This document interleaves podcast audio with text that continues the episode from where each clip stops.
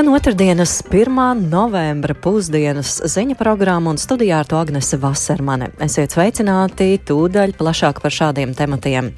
Aizējošo saimu prezidents pavada ar vārdiem par valsts lejupslīdes sākšanos, bet no jaunā parlamenta sagaida reformas.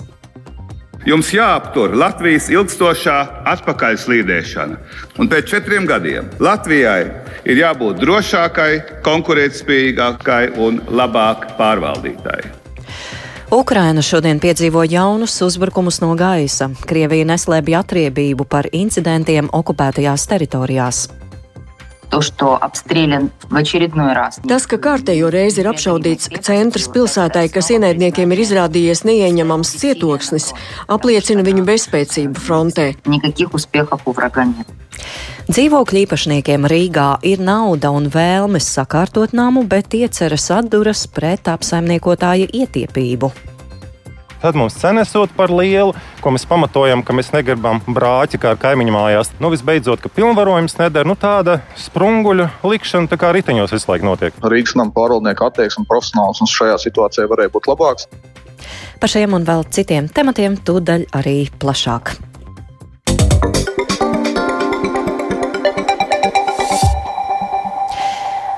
Šodien pirmajā sēdē ir pulcējušies jaunās 14. saimas deputāti. Sēde sākās ar valsts prezidenta uzrunu, tās turpinājumā simt saimā ievēlētie dod svinīgo solījumu, tāpat ir jāievēl saimas prezidijs.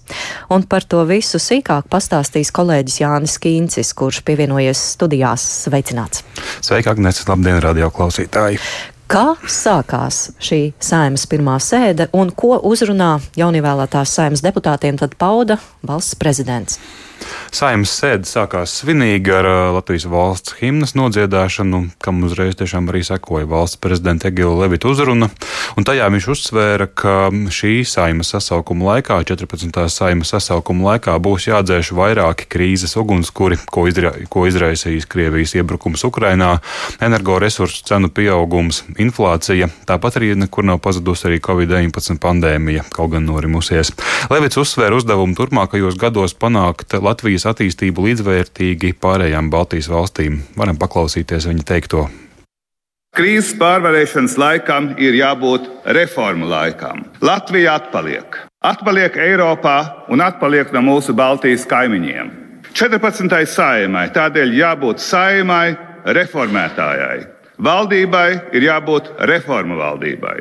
Jums jāaptur Latvijas ilgstošā atpakaļslīdēšana, kas ir sākusies jau iepriekšējās saimās, ne tikai 13. bet iepriekšējās. Un pēc četriem gadiem Latvijai ir jābūt drošākai, konkurētspējīgākai un labāk pārvaldītai. Un, lai tas būtu iespējams, eh, Levits nosauca trīs strateģiski svarīgākās jomas turpmākajiem gadiem. Pirmā ir izglītības attīstība, kas veicinās Latvijas konkurētspēju pasaulē un arī piederību Latvijas, Latvijai. Ekonomikā viņš uzsvēra uzdevumus nodrošināt energoresursu pietiekamību un eh, veicināt atjaunīgo energoresursu izmantošanu. Pēc Levita teiktā, diez vai Latvijā vēja un saules ir mazāk kā Lietuvā un Igaunijā, kur šos resursus izmanto daudzkārt aktīvāk. Un trešais temats lokus ir drošība, kas balstās uz trīs pīlāriem - drošība pret ārējiem apdraudējumiem, iekšējā drošība un civilā aizsardzība. Levits uzsvēra, ka Nacionālajie bruņotie spēki nostiprināti priekšzīmīgi, no, ko novērtē arī NATO līmenī. Līdzsekus tam 14. saimas viens no pirmajiem uzdevumiem būs turpināt valsts aizsardzības dienesta regulējuma sagatavošanu, lai nākamā vasarā dienestā jau būtu pirmais iesaukums. Tāpat valsts prezidents arī norādīja uz to, ka šajā saimas sasaukumā ir ievēlēta tikai neliela daļa 13. saimas deputātu, 25 no 100. Um, līdzīgi kadru mainība iespējama arī pēc četriem gadiem, tāpēc nākamajai koalīcijai būtu jāstrādā koncentrēti un atbildīgi un nemēģinot izcelties vai izlēkt uz kolēģi fona. Savukārt opozīcijai Levits novēlēja būt konstruktīvai un iztikt bez populisma. Ļoti labs vēlējums. Jā, tātad deputāti šodien sanākuši uz pirmo sēdi. Kādi lēmumi viņiem šodien jāpieņem?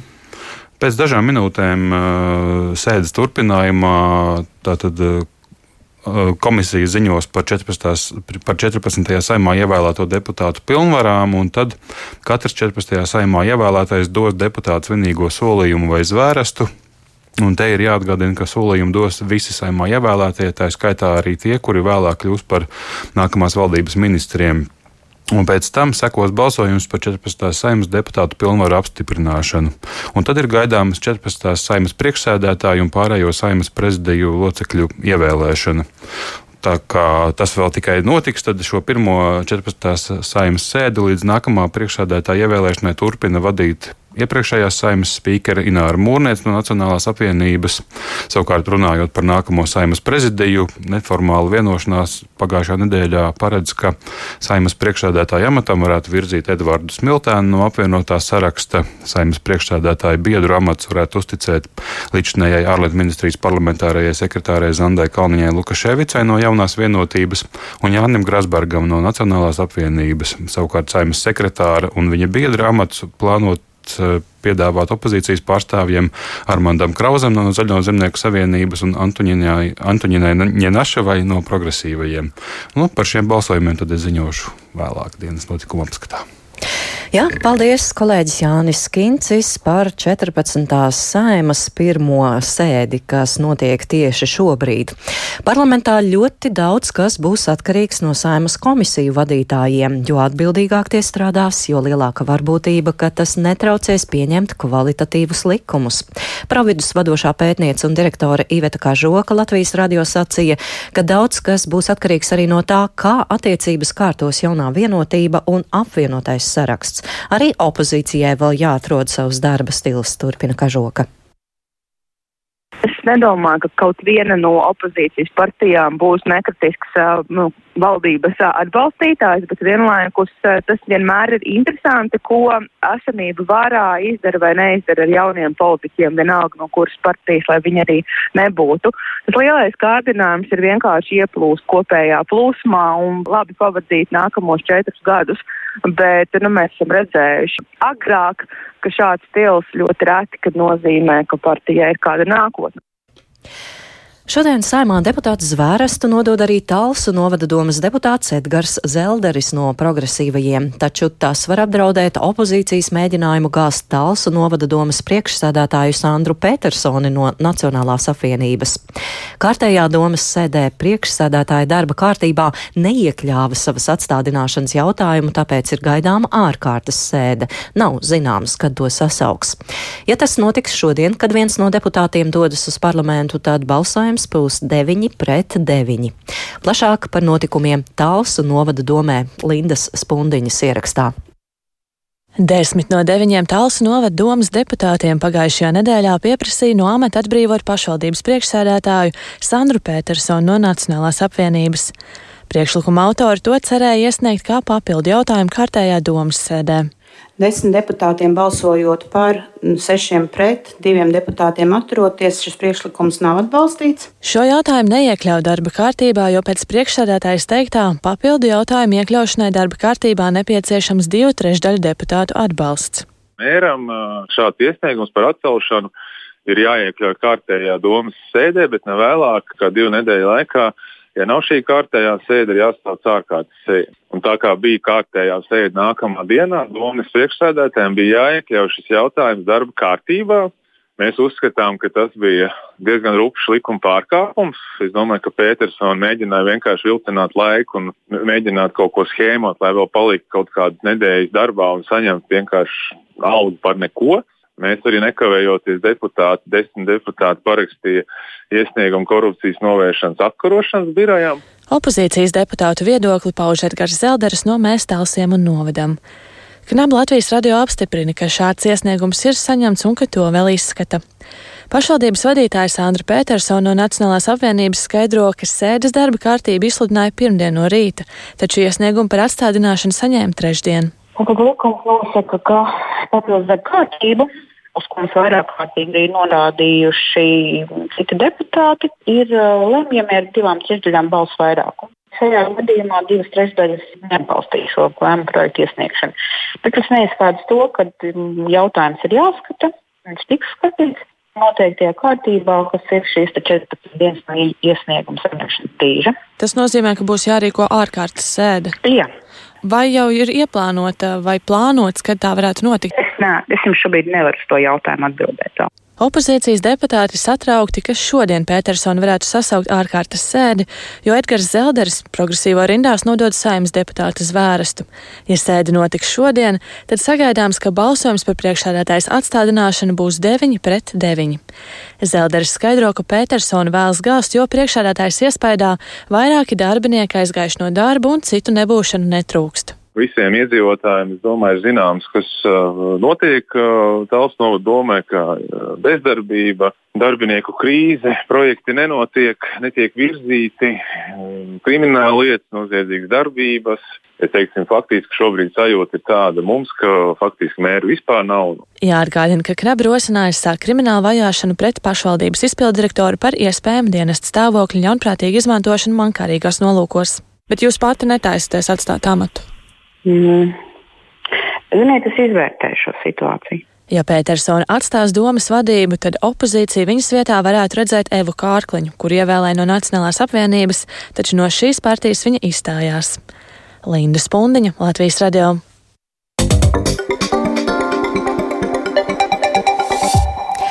Un turpinām ziņu programmu. Ukrainas pilsētas šodien piedzīvojušas jaunus Krievijas uzbrukumus no gaisa. Tikmēr daudz Ukrainas reģioni turpina atkopties pēc vakar notikušajiem Krievijas raķešu triecieniem. Krievija neslēpja, ka uzbrukumi Ukrainai ir atriebība par neseno incidentu okupētajā Sevastopolē. Turpina Uldis Ķezberis. Šorīt visā Ukrainā atkal skanēja gaisa trauksme, jo Krievija veica kārtējos raķešu un dronu uzbrukumus. Vismaz četri droni kamikādzes trāpījuši civilajiem objektiem Poltavas pilsētā, paziņojis Poltavas apgabala kara administrācijas vadītājs Dmitro Luņins. Nav ziņu par cietušajiem vai bojā gājušajiem. Uzbrukumi ar droniem notikuši arī Dnipro pilsētai. Savukārt piefrontes pilsētā Mikolaivā vismaz viens cilvēks nogalināts raķešu uzbrukumos pilsētas centram. Triecienu rezultātā pilnībā sagrauta divstāvu dzīvojamā ēka, bet daļēji nopostīta mācību iestādes ēka, pastāstīja Ukrainas bruņoto spēku pārstāve Natālija Gumeņuka то, что обстрелян в очередной раз центр города, который является для них... Tas, ka kārtējo reizi ir apšaudīts centrs pilsētai, kas ienaidniekiem ir izrādījies neieņemams cietoksnis, apliecina viņu bezspēcību frontē, jo uz frontes līnijas ienaidniekiem nav nekādu panākumu. Никаких успехов у врага нет. Vakar masīvus raķešu uzbrukumus piedzīvoja vairāki Ukrainas apgabali, kur nopietni cieta kritiskā infrastruktūra. Tā rezultātā bez elektrības un ūdens apgādes palika simtiem apdzīvoto vietu. Kīvas mērs Vitālijs Kličko paziņoja, ka šorīt galvaspilsētā ir pilnībā atjaunota ūdens un elektrības apgāde, kas tika pārtraukta pēc vakardienas uzbrukumiem. Tomēr joprojām vairākas stundas dienā būs jāpārtrauc elektrības piegāde, lai nepārslogotu daļēji sagrauto valsts energoapgādes sistēmu. Krievijas prezidents Vladimirs Putins ir paziņojis, ka uzbrukumi Ukrainai ir atbilde uz sestdien notikušajiem triecieniem pa Krievijas Melnās jūras kara flotes kuģiem Sevastopolis pilsētā okupētajā Krīmas pussalā. Maskava tajos vaino Kīvu. Ukraina par šo operāciju atbildību nav uzņēmusies. Arī ANO eksperti noraida Maskavas apgalvojumus, ka uzbrukumi būtu veikti graudus piegādājošo kuģu aizsegā. Savukārt ASV aizsardzības departaments ir apstiprinājis, ka oktobra beigās Sevastopolē patiešām ir atskanējuši sprādzieni, taču amerikāņi neatklāja savu vērtējumu par nodarītajiem postījumiem un to, kas varētu būt izraisījis incidentu. Acīm redzot, Krievija arvien asāk izjūt kaujas spējīgu karavīru trūkumu frontē, tāpēc Maskava cenšas savervēt bijušos Afganistānas armijas speciālo uzdevumu vienību karēvjus, vēsta ziņu aģentūra Associated Press. Medijs atsaucas uz kādu bijušo Afganistānas armijas ģenerāli. Viņš pastāstīja, ka afgāņu karavīriem, no kuriem vairums pēc grupējuma Taliban nākšanas pie varas aizbēga uz Irānu, ir piedāvāta aptuveni 1500 eiro liela mēneša alga un drošs patvērums viņu ģimenēm. Vervēšanu veicot Krievijas algotņu grupējums Wagner, kura vadītājs Jevģīnijas Prigožins arvien atklātāk kritizē Krievijas eliti par neveiksmēm karā Ukrainā. ASV Domnīcas kara izpētes institūts jaunākajā ziņojumā teikts, ka Prigožins ir pārmetis Krievijas oligarhiem un elitei pilnīgas mobilizācijas kavēšanu. Viņa prāt, kamēr Krievijas varai pietuvināto bērni nedosies karot, tikmēr visaptveroša mobilizācija nebūs iespējama. Institūta analītiķi norāda, ka Prigožins audzē politisko ietekmi Krievijā, tāpēc nevarot izslēgt iespēju, ka kādu dienu viņš izveidos savu politisko partiju. Uldis Česberis, Latvijas radio. Dānijā šodien notiek parlamenta vēlēšanas, un par iekļūšanu valsts parlamentā sacenšas 14 partijas, no kurām 12 ir izredzes pārvarēt barjeru. Atšķirībā no iepriekšējām vēlēšanām šoreiz migrācija nav galvenais jautājums, kas vēlētājus satrauc. Tādēļ ir maz ticama tā dēvētā Zviedrijas scenārija atkārtošanās, kur nesen ievērojumu popularitāti guva labējie, galēji labējie pret imigrantiem noskaņotie spēki. Un Kopenhāgenā pašlaik atrodas arī mūsu korespondents Arķams Konohaus, ar kuru šobrīd esam sazinājušies tiešēdēs. Sveicināts, Arķom! Jā, sveicināt, Agnes. Atgādini, lūdzu, kādēļ vēlēšanas Dānijā notiek tieši tagad? Vēlēšanas notiek tieši tagad, nedaudz ātrāk nekā bija paredzēts, aptuveni pusgadu ātrāk nekā bija paredzēts, jo to izraisīja krīze. Faktiski tas bija tāds ultimāts, politiskais ultimāts no vienas no partijām, kas atbalsta pašreizējo Dānijas premjeras Metas Fredriksenes un sociāldemokrātu vadīto valdību, tā ir mazākuma valdība. Viņi pieprasīja, lai šīs vēlēšanas tiktu sasauktas ātrāk, jo citādi viņi draudēja ar valdības gāšanu parlamentā. Un līdz ar to valdības vadītājai bija jāizpilda šīs politiskais ultimāts un jāsasauc vēlēšanas tagad. Kaut gan viņa pati ir izteikusies, ka tas ir diezgan jokaini, ka parlamenta vairākums vēlas sasaukt vēlēšanas laikā, kad notiek karš, kad notiek enerģētikas krīze, kad ir augsta inflācija un daudz citi steidzami risināmi jautājumi, un kad varbūt nevajadzētu tik daudz uzmanības veltīt jaunas valdības veidošanai. Jā, Artjom, tu šobrīd atrodies Kopenhāgenā. Kādi ir galvenie Dānijas priekšvēlēšana kampaņas temāti un kam tad tiek prognozēta uzvara? Par vēlēšanām šeit Kopenhāgenā atgādina tiešām diezgan daudz. Plakāti ir redzama visapkārt, kandidātu sejas, dažādas solījumi, dažādas partijas. Es teiktu, ka visspilgtākie plakāti ir tieši pašreizējai valdības vadītājai un viņas vadītajai sociāldemokrātu partijai. Bet, ja runājam par kampaņu un to, kas varētu kļūt par nākamo premjerministru, tad šeit situācija ir ļoti neskaidra. Temati, kas satrauc iedzīvotājus un kas dominē kampaņu, ir ļoti mainījušies mainījušies, un faktiski ik pa nedēļai parādījās, izvirzījās priekšā kāds cits temats, kas nomainīja iepriekšējo, un te mēs varam runāt gan par veselības aprūpi, gan par enerģētiku, gan par inflāciju. Šie temati, kas tiešām satrauc, drošība ir mazākā mērā par to Dāņi šeit tik ļoti nesatraucās šobrīd, un Ukrainas karš viņiem, varētu teikt, ir drīzāk otrajā plānā. Un, protams, jāatcerās arī, ka Metei Fredriksenai kaitē skandāls, ka kas ir kas nāk vēl no 2020. gada, no koronavīrusa laikiem, no pandēmijas, kad tika, tika nogalināti 17 miljoni, miljoni ūdeļu. Ja mēs atceramies, ka toreiz tika atklāts vai pat pastāvēja bāžas, ka no cilvēkiem pie ūdelēm varētu nonākt koronavīrus, tad mutēt un tad nonākt atkal pie iedzīvotājiem, un tika iznīcināts faktiski ļoti ienesīgs bizness. Tajā brīdī Dānija aizņēma aptuveni 40% no pasaules ūdeņu tirzniecības, bet šobrīd izskatās, ka šī biznesa atjaunošana vairs nebūs iespējama vismaz netik lielos apmēros. Jā, paldies! Tik tālu Arķoms Konahaus no lietainās Kopenhāgenes, kur šodien cilvēki dodas pie vēlēšanu urnām, lai vēlētu jaunu parlamentu. Un, kā dzirdējām, priekšvēlēšanu cīņās arī tiek iesaistīts nesen notikušais ūdeļu skandāls Dānijā.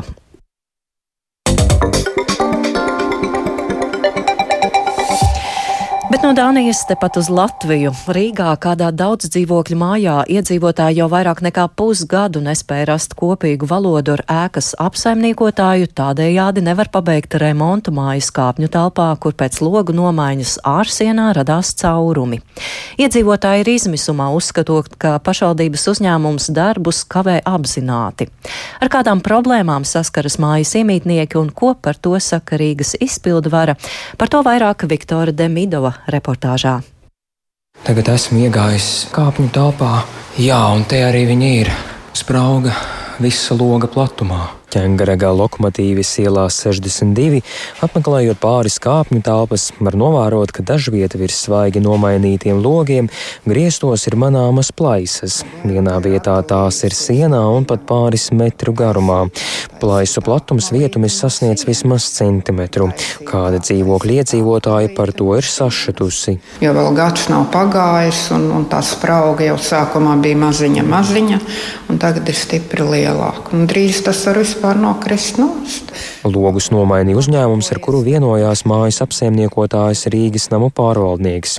Iedzīvotāji norādot, ka plaisas esot pamanāmas arī citās mājās. Redzot, ka tāds liktenis var gaidīt arī ēku lokomotīvas ielās 60, mājas iemītnieki nolēma uzņēmumu atrast paši. Logus izdevies nomainīt jau ziemā, bet daudz vietā ārsienā izveidojās izdrupumi, kurus būvnieks nolīdzināt nevar, jo darbu izmaksas pārsniedz plānoto. Lai vienotos par papildu tēriņiem, iedzīvotāji vērsās pie Rīgas namu pārvaldnieka, taču jautājums tā arī nav atrisināts. Tad mums cenesot par lielu, ko mēs pamatojam, ka mēs negribam brāķi kā ar kaimiņu mājās. Tad viņi teica, ka mums dublējās pozīcijas kaut kādas, mēs pierādījām, ka nē, nu visbeidzot, ka pilnvarojums jautājums nedara. Nu, tāda sprunguļu likšana tā kā riteņos visu laiku notiek. Gīns Kaunista, viens no mājas pilnvarotajiem, norāda, ka jau nezina, pie kā vērsties, lai Rīgas namu pārvaldnieku sauktu pie kārtības. Nav arī saprotams, kas seks darbu sadārdzinājumu, jo visdrīzāk remonta izmaksas, salīdzinot ar ziemu, ir pieaugušas. Par deviņus mēnešus ilgajām sarunām sašutis ir arī mājas iedzīvotājs Ivars Muzis. Darbi jādara, bet papildus šī nauda netiek atrasta. Mēs esam tā mazliet izbrīnījušies. Mēs esam iedzīvotāji, maksājam nodokļus, un izpildu vāra mums, godīgi sakot, neatbalsta. Kārtējais jaunais iebildums - ja jums nepietiek naudas, taisiet jaunu aptauju, jo jums tad jāņem jau no šī gada uzkrājumiem. Un mēs viņiem uzdodam, cik tad mums pietrūkst, jo mūsu aprēķini liecina, ka mēs neesam nekam tērējuši, ja? un atbilde netiek sniegta komunikācija nu, nebija līdz galam atsaucīga sākotnējā fāzē. Rīgas namu pārvaldnieku pārstāve Una Grenevica skaidro, ka logu nomaiņa izmaksāja 28 tūkstošus eiro, taču neparedzētie darbi, kas maksā 8 tūkstošus eiro, plānotajos izdevumos nav iekļauti. Tāpēc, lai remontu pabeigtu, vajadzīgs jauns dokuments. Nevar procesa laikā nonākt pie secinājuma, ka nu, vajadzēs tomēr vēl vairāk, un tad uh, uz šī iepriekšējā pilnvarojuma balstīt šo palielinājumu. Pēc uh, likuma ir jāparedz vēl viens uh, kopības lēmums.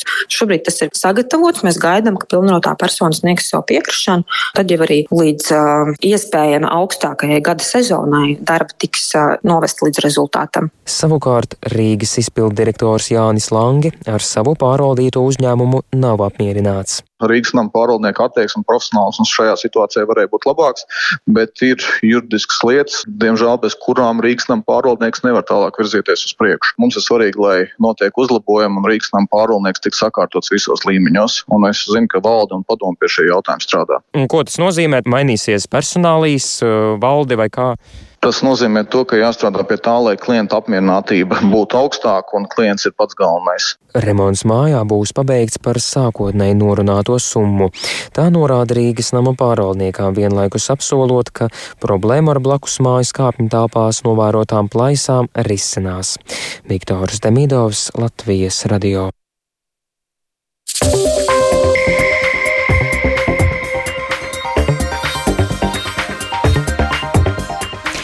Ar to arī izskan otrdienas 1. novembra ziņu programma Pusdiena. Producents Edgars Kupčs, ierakstus montēja Kaspars Groskops, pie skaņapults Katrīna Bramberga, studijā Agnese Vasermane.